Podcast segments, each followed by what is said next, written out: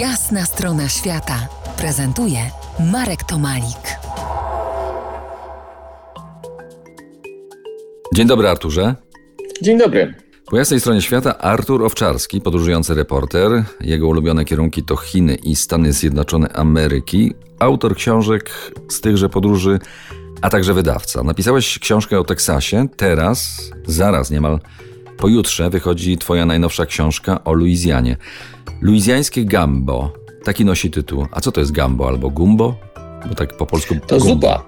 Zupa. To najsłynniejsze danie Luizjany, które jest oficjalnym daniem Luizjany. No i co w tej zupie? Ona, w tej zupie jest y, niesamowity gulasz, czyli wielka różnorodność składników.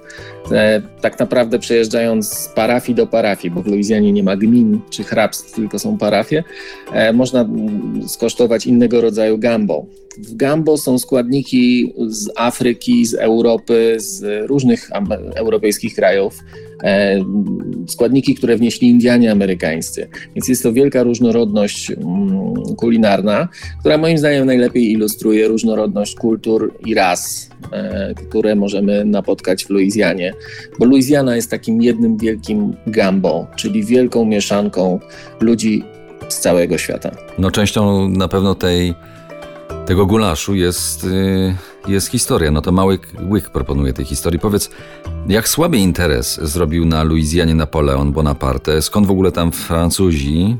No mnie się wydaje, że ja to wiem, ale przecież niemal wszystkim Stany Zjednoczone Ameryki kojarzą się z Brytyjczykami. No tak, ale akurat rejony Nowego Orleanu zostały zasiedlone najpierw przez Francuzów, później przybyli tam Hiszpanie, później e, Francuzi tak naprawdę przekazali e, Luizjanę Hiszpanom za pomoc w wojnie z Anglikami. Później znowu wrócili Francuzi i na początku XIX wieku Napoleon sprzedał Luizjanę Amerykanom. Ale niezależnie od tego, kto rządził, czy Francuzi, czy Hiszpanie, to mówiono tam po francusku. Mm, Tak samo jak na Karaibach. Haiti było francuskie, a Nowy Orlean nazywano e, najbardziej na północ wysuniętym portem Karaibów. A jak jest teraz? Czy teraz też się mówi trochę po francusku i piją tam Beaujolais w tych, w tych miejscach?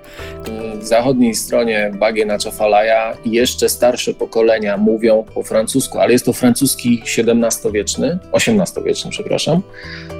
Natomiast później jest taka przerwa wielka, 50-letnia, bo wtedy y, zmuszano do nauki angielskiego, a francuski uważany był, uwaga, za język ludzi prostych i ym, ludzi żyjących na bagnach z nie do końca kompletnym uzębieniem. Tak odbierano francuski w Luizjanie jeszcze na początku tego wieku, więc e, później dopiero zrozumiano mm, na fali lat 70. i zmian politycznych w Stanach Zjednoczonych, że francuski powinien tam wr- wrócić, trzeba zadbać o dziedzictwo. I w tej chwili najbardziej elitarne i doceniane szkoły podstawowe na przykład są prowadzone przez Kodofil, czyli przez organizację frankofońską i są prowadzone lekcje po francusku.